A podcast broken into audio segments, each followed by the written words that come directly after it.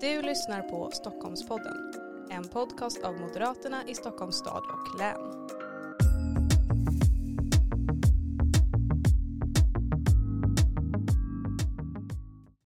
Hej och välkommen till veckans avsnitt av Stockholmpodden. Idag gästas vi av Rebecka Nordin Vaino, ordförande i socialnämnden i Sollentuna kommun och ledamot i MUFs förbundsstyrelse. Varmt välkommen hit. Tack snälla. Är det första gången du är med i en podd eller har du gjort det här innan?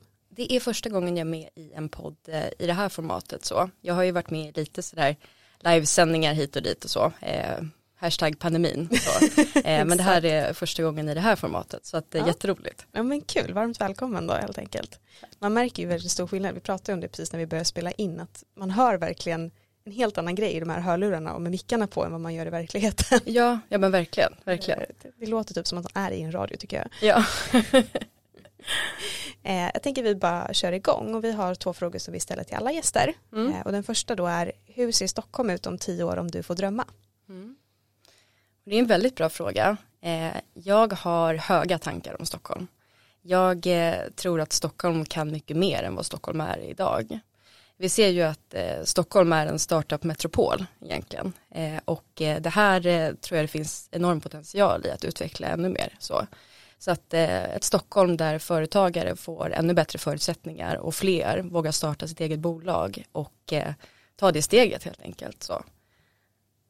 Fint, innovationskraft. Ja, ja, det skulle jag säga. Och sen så, man kan ju inte undgå heller att prata om trygghet i Stockholm. Jag vill ha ett Stockholm också där människor är trygga. Det är ju någon slags grundförutsättning för att eh, du ska kunna stanna här så från första början. Jo men absolut och det är nog svårt också att få de här startup och innovationsföretagen att faktiskt vilja komma hit om det inte är grundläggande trygghet för de som bor här. Ja men precis, precis. Man gör ju kontinuerliga mätningar på det, hur trygga företagare upplever att en kommun är. Eh, så att eh, det är ju verkligen ett mått så som man mäter när man pratar om entreprenörskap i, i en stad eller en kommun. Så. Mm. Vet du hur Stockholm ligger till där nu då? Inte Stockholms stad just. Eh, jag är ju från Sollentuna. Ja, men i, i Sollentuna så vet jag att Alltså det har väl funnits lite utmaningar så med tryggheten för just företagare i och med, man kan ofta se liksom ett område som kanske har utanförskapsområden som är listade på polisens lista över eh, utsatta områden. Eh, de, de, brukar ofta ha liksom lite lägre rank så på trygghet för företagare. Mm. Eh, men vi ligger relativt bra till. Men ändå improvement helt enkelt, rumförbättringar. Ja, ja men det är ju inte, det är inte 100 procent och det, det, tror jag inte att det är någonstans liksom. Nej, eh, även om jag önskar att det vore det. Vilken är din hjärtefråga? Jag tycker att eh, den här frågan är, är väldigt svår att svara på för det är så mycket som man bryr sig om liksom, och brinner för. Mm. Eh, mitt politikersvar brukar vara att eh, alltså, man har ju sina grundvärderingar och sina eh, grundåsikter på något sätt som liksom, varför man engagerade sig. Men de här grundvärderingarna att de de genomsyrar på något sätt alla politiska frågor. Man har någon slags inställning till alla eh, som, eh, som man har med sig från, från MUF-skolan, som man kan säga så. Eh, så att då blir det liksom att du har, du har ju någon slags stark åsikt ofta om varje fråga. Men om jag ska försöka ge ett klart svar så um, skulle jag säga att sociala frågor är väldigt viktigt. Ehm, för att alla människor ska ha samma utgångs utgångspunkt i livet, att alla ska ha samma förutsättningar och bygga sitt eget liv. Så det tycker jag är otroligt viktigt. Eh, entreprenörskap, företagande tycker jag är viktigt och eh, trygghet. Det är väl de tre, om jag ska vara rak. ja, men det är väl som sagt väldigt brett, men det är också de otroligt viktiga frågor. Vilken fråga var det som fick dig att bli engagerad i politiken? Alltså det här skäms jag lite för. Eh, faktiskt. Eh, jag var 13-14 år Eh, gick på grundskolan och eh, jag hade två viktiga frågor. Eh, och eh, det första det var skatt på mm. mitt första jobb. Mitt första jobb var på ett äldreboende eh, och jag tyckte att det var alldeles för hög skatt. Ehm, ja, jag, jag, vet inte riktigt eh, om, om det nu var så jättehög skatt på den lilla lönen så eh, egentligen men då tyckte jag att det var, det var ett rån. Så hade jag gått och jobbat en söndag i tre timmar och de tar av mina pengar, liksom. det är min tid. Eh, så väldigt bestämt så på det sättet. Sen så brydde jag mig också om värnplikten. Ah, ja, ja. alltså det känns mer aktuellt kanske om du är ung idag än för mm. några år sedan, men varför inte? Jag var lite speciell kanske. Mm. Men då har du gjort värnplikten gissar jag? Nej. Nej? Eh, nej, jag, jag brydde mig väldigt mycket om den här frågan. Ja. Jag minns inte vart jag stod i frågan. Jag vill minnas att jag, eh, jag var för att värnplikten skulle återinföras. Ja. Mm, så var det. Så att jag eh, ja, läste mycket debattartiklar om det här. Det var, jag vet inte, jag var väldigt nischad på det på den tiden. Ja men varför inte? ja, exakt. Men du började alltså jobba då när du var 13-14 också? Ja, exakt. Så Ja. mitt eh, första jobb var på Ung Omsorg. Var Ja. det. Eh, Det är eh, tidigt ändå. Ja, ja, men det var det. Jag brukar tycka att jag började tidigt och jag var väl runt 16 men 13, det Mm. sjuan, åttan där omkring helt enkelt. Var det sommarjobb då? Nej, utan det var helgjobb. Ja. Och eh, jag jobbade då på Ung Omsorg. Eh, det är ett företag som eh, har som sin nisch egentligen att få ut unga på sitt första arbete någonsin. Så, Mm. så att det, är inte att du, du jobbar heltid eller sådär utan det är att du kanske får ett par timmar eh, någon helg så. Liksom. Eh, så kanske totalt tio timmar per månad. Det är liksom sådana såna, aspekter vi pratar om där men det är en väldigt bra idé för att Ja, få verkligen. unga att eh, ta sin första liksom, chans ut i arbetslivet. Så. Mm. Ja för det kommer jag ihåg själv när man var i den åldern att det var väldigt svårt att hitta jobb. Mm. Eh, för att du får ju inte göra alla grejer och du får inte jobba särskilt långa timmar eller vissa timmar överhuvudtaget. Så att det var ju tufft där första jobbet liksom tills man in, hittade någonting och sen flöt det på men det är ju väldigt fin insats så. Ja, ja men verkligen. verkligen. Men det var i Sollentuna då?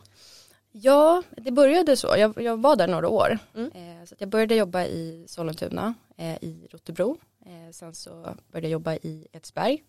Och sen så eh, fick jag eh, mer ansvar så att då var jag ansvarig för norrort. Så. så det var kul. Gud vad roligt. Mm. Var Moderaterna alltid det självklara valet för dig? Alltså jag stod mellan Moderaterna och Liberalerna. Ja. jag. Faktiskt. Vad var det som till slut föll lotten på Moderaterna då? Ja, alltså det var väl framförallt eh, de ekonomiska frågorna. Jag eh, har väl landat i idag så att eh, Liberalerna de kan ju ha många bra analyser kring saker tycker jag. Men eh, ibland kan jag tycka att Liberalerna vrider och vänder på saker lite för mycket. Eh, och eh, ja, det, man kommer inte till ett beslut utan man, eh, man tänker liksom eh, lite för stort kring grejer. Ibland måste man kunna vara konkret ta ett beslut så. Eh, och det är väl kanske vad som skiljer Moderaterna, Liberalerna så eh, kulturellt, Mm. jag säga. Eh, men där och då minns jag inte riktigt eh, vad det var, det var så länge, alltså tio år sedan. Liksom. Ja, Minns inte.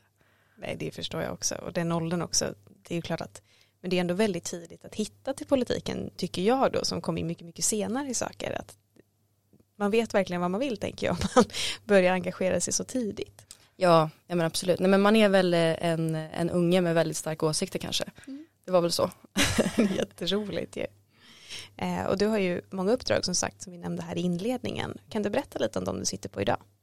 Absolut. Ehm, Jag är sedan november eh, ledamot i eh, MUFs förbundsstyrelse. Så att, och där är jag ansvarig för våra sommarrapporter som vi släpper. Så att vi ska ta fram ny politik på två områden eh, och eh, två områden där ska vi eh, utforska redan etablerad mark kan man säga. Mm. Så att både hemmaplan och nya områden så. Så det är väl det jag gör i Moderata ungdomsförbundet. Sen så i kommunen så är jag ledamot i fullmäktige, i kommunstyrelsen och sen är jag ordförande i socialnämnden. Det är ju väldigt tunga poster får jag säga. Både styrelsen, fullmäktige men framförallt kanske ordförande i socialnämnden. Ja, nej men det, är- det är väldigt roligt. Ja. Jag vet inte exakt om vi får någon statistik på det men du måste vara bland de yngre eh, i Stockholms län i alla fall. Ja, eh, jag tror det. Eh, det. Någon sa att jag var Sveriges yngsta socialnämndsordförande men det, jag, jag vet inte, Nej. kanske. Jag kan nog ändå tänka mig att det inte är helt orimlig tanke att du skulle vara det. Nej. Men vad roligt. Ja, Men du har suttit i socialnämnden innan i Sollentuna då? ja nej men precis. Jag kom in som ledamot när jag var 18 år. Mm. Så att jag har ju suttit där ett tag. Gud vad roligt. Ja. Va, hur, hur ser en vanlig dag som ordförande i socialnämnden ut? Om det En finns något sånt. En vanlig dag. Nej, det finns inga vanliga Nej. dagar. Eh, jag, eh, jag är inte ordförande i socialnämnden på heltid eller så, utan Nej. det är väl, skulle väl kanske tippa på att det är runt 60 procent. Eh, Ja. så.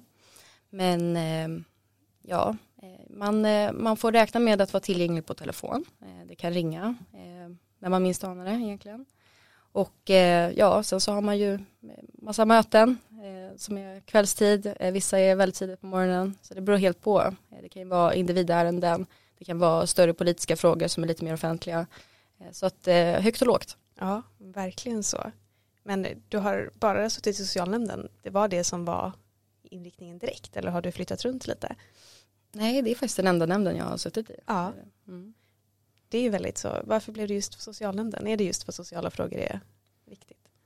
Ja, men jag skulle säga det. Eh, och jag, jag, pratade med socialförvaltningen i, i min kommun.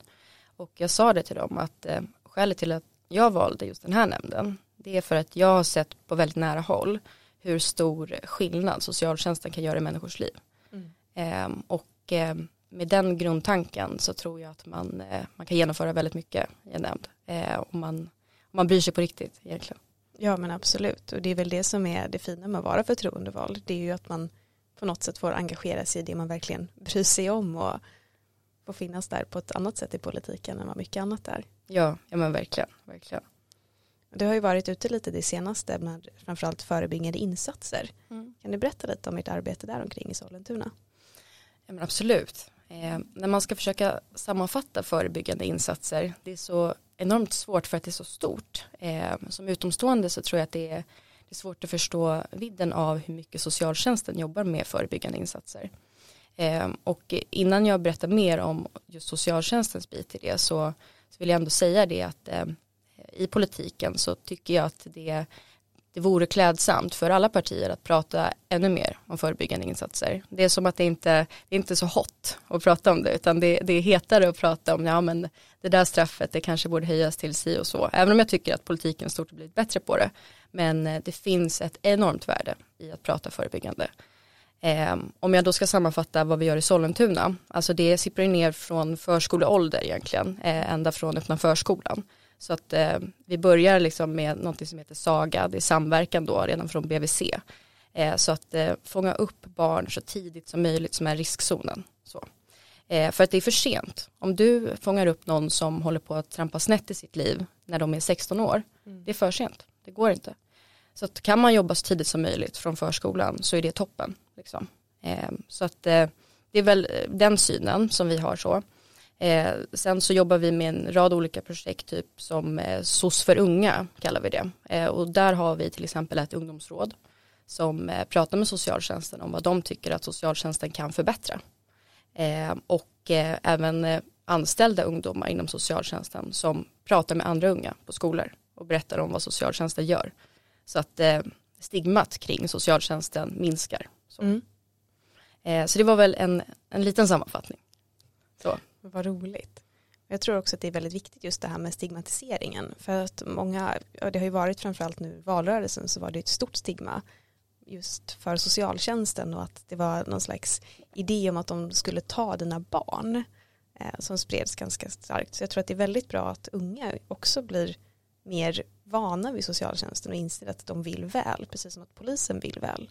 Så är det väldigt viktigt att våra myndigheter har hög trovärdighet och känns som en trygg punkt att vända sig till. Ja men verkligen, verkligen, det är ju så. Om du får säga ett mål vad du vill uppnå med ditt politiska engagemang, vad skulle det vara? Mm, det är en väldigt bra fråga. Eh, jag tänker framför allt att eh, jag vill förändra. Mm. Eh, jag har mycket idéer om vad man kan göra på olika områden och jag får nya idéer hela tiden. Så, eh, jag kan gå runt en dag på stan och så tänkte jag så här, ja ah, men det där, det där är dåligt, det måste vi fixa och, och vi gör si och så.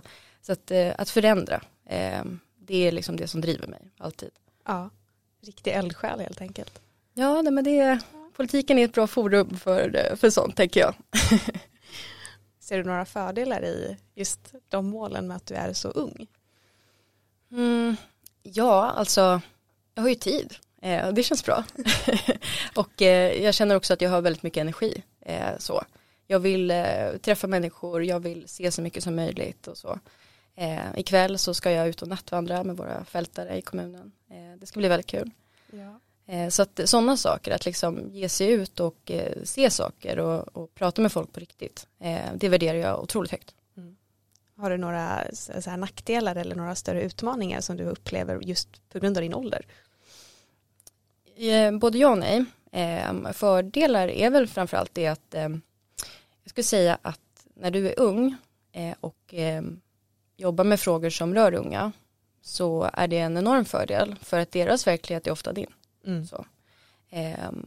De, de unga som jag träffar i min kommun när jag är ute på skolor, på, på kampanj eller i, i min roll som kommunpolitiker eller sådär så det de beskriver eh, vilka platser de känner sig otrygga på eller dylikt. Jag delar ju samma, samma upplevelse för att jag rör mig också där.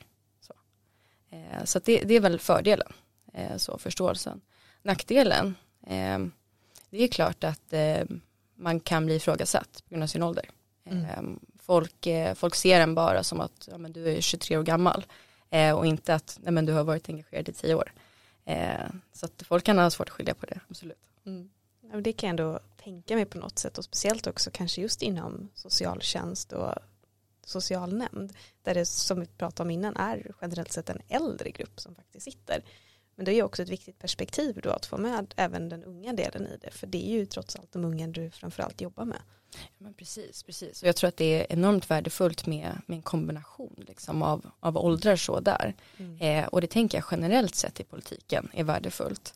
Eh, och det här är ju ganska basalt egentligen på ett sätt men eh, politiken ska ju spegla befolkningen. Eh, och befolkningen, eh, det är så många olika åldrar va, det är unga, det är gamla, det är medelålders. Så att eh, kan man få en stor spridning av dessa åldrar i politiken, då kommer vi långt. Mm. Ja men det håller jag helt med dig om. Vad tror du är de absolut viktigaste frågorna just nu? Just nu mm. så det är väldigt mycket kring ekonomi och inflation. Det påverkar människor enormt mycket och det, det märks verkligen. Det är alltifrån ja, men bolåneräntor påverkar människors plånbok direkt. Liksom. Vi pratar matpriser när man går och storhandlar under veckan. Så att det, ekonomin påverkar människor otroligt mycket. Mm. Och ur ett ungdomsperspektiv, ser du att ekonomin är minst lika viktig där eller finns det någonting annat som tar över? Jag tänker att om man tänker vilka, vilka politiska frågor ungdomar är intresserade av generellt så, så tror jag att det som det pratas om i samhället är stort ofta är detsamma hos ungdomar. Så, mm. eh, ofta när man, eh, jag vet inte, när man pratar med väldigt mycket äldre personer då kan de fråga så, men vad, vad bryr sig de unga om idag? Och svaret är ofta inte så komplicerat utan det kan vara liksom att men det är samma som du bryr dig om. Mm. Eh, det är tryggheten, det är klimatet, eh, det är ekonomin, det är samma sak liksom. Ja. Eh, så att eh, jag tror att man, eh, man, man bryr sig om samma frågor men man kanske har lite olika ingångsläge till dem. Mm. Så. Om du ser till en längre sikt då, förhoppningsvis så kommer vi ur den här lågkonjunkturen och vi får en bättre ekonomi med mer återhämtning och så. Mm. Jag tror det kommer vara viktigare på längre sikt i politiken. Ja, vi har ju ett EU-val som kommer snart. Så jag tror att det kommer att vara väldigt mycket EU-politik som diskuteras inom, inom snar framtid. Sen då när vi kommer ur inflationen, eh, då har vi ju eh, en arbetsmarknad eh, som ska stå där eh, och eh, det är klart att det kommer bli effekter på den av den inflation som nu är. Så, så jag tror att vi kommer prata väldigt mycket jobb eh, och företagande och, och dylikt efter, efter den här ekonomiska krisen. Så. Mm en av Moderaternas paradgrenar även det. Perfekt, perfekt, älskar. vi fick prata NATO och så fick vi prata trygghet och så fick vi prata ekonomi och sen så förhoppningsvis arbetslinjen också. Precis, precis. Skönt. Det är en dröm. Ja, verkligen.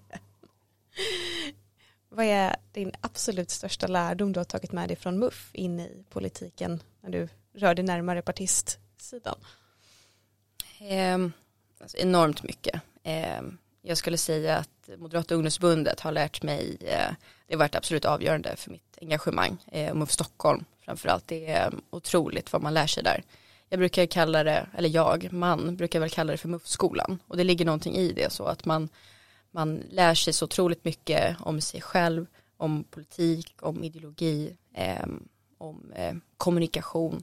Alltså allt jag kan har jag nog lärt mig från MUF Stockholm. Mm. Eh, och det ska man ha enorm respekt för, alltså vad, vad MUF lär sina medlemmar. Så, så det är väl det första.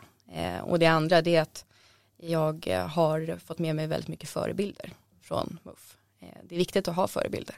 Mm. Och eh, vad skulle du vilja skicka med några unga som lyssnar nu då kanske? Om de ska gå med, hur gör man då? För att gå med i MUF så får man vara yngst 12 eh, och äldst 30.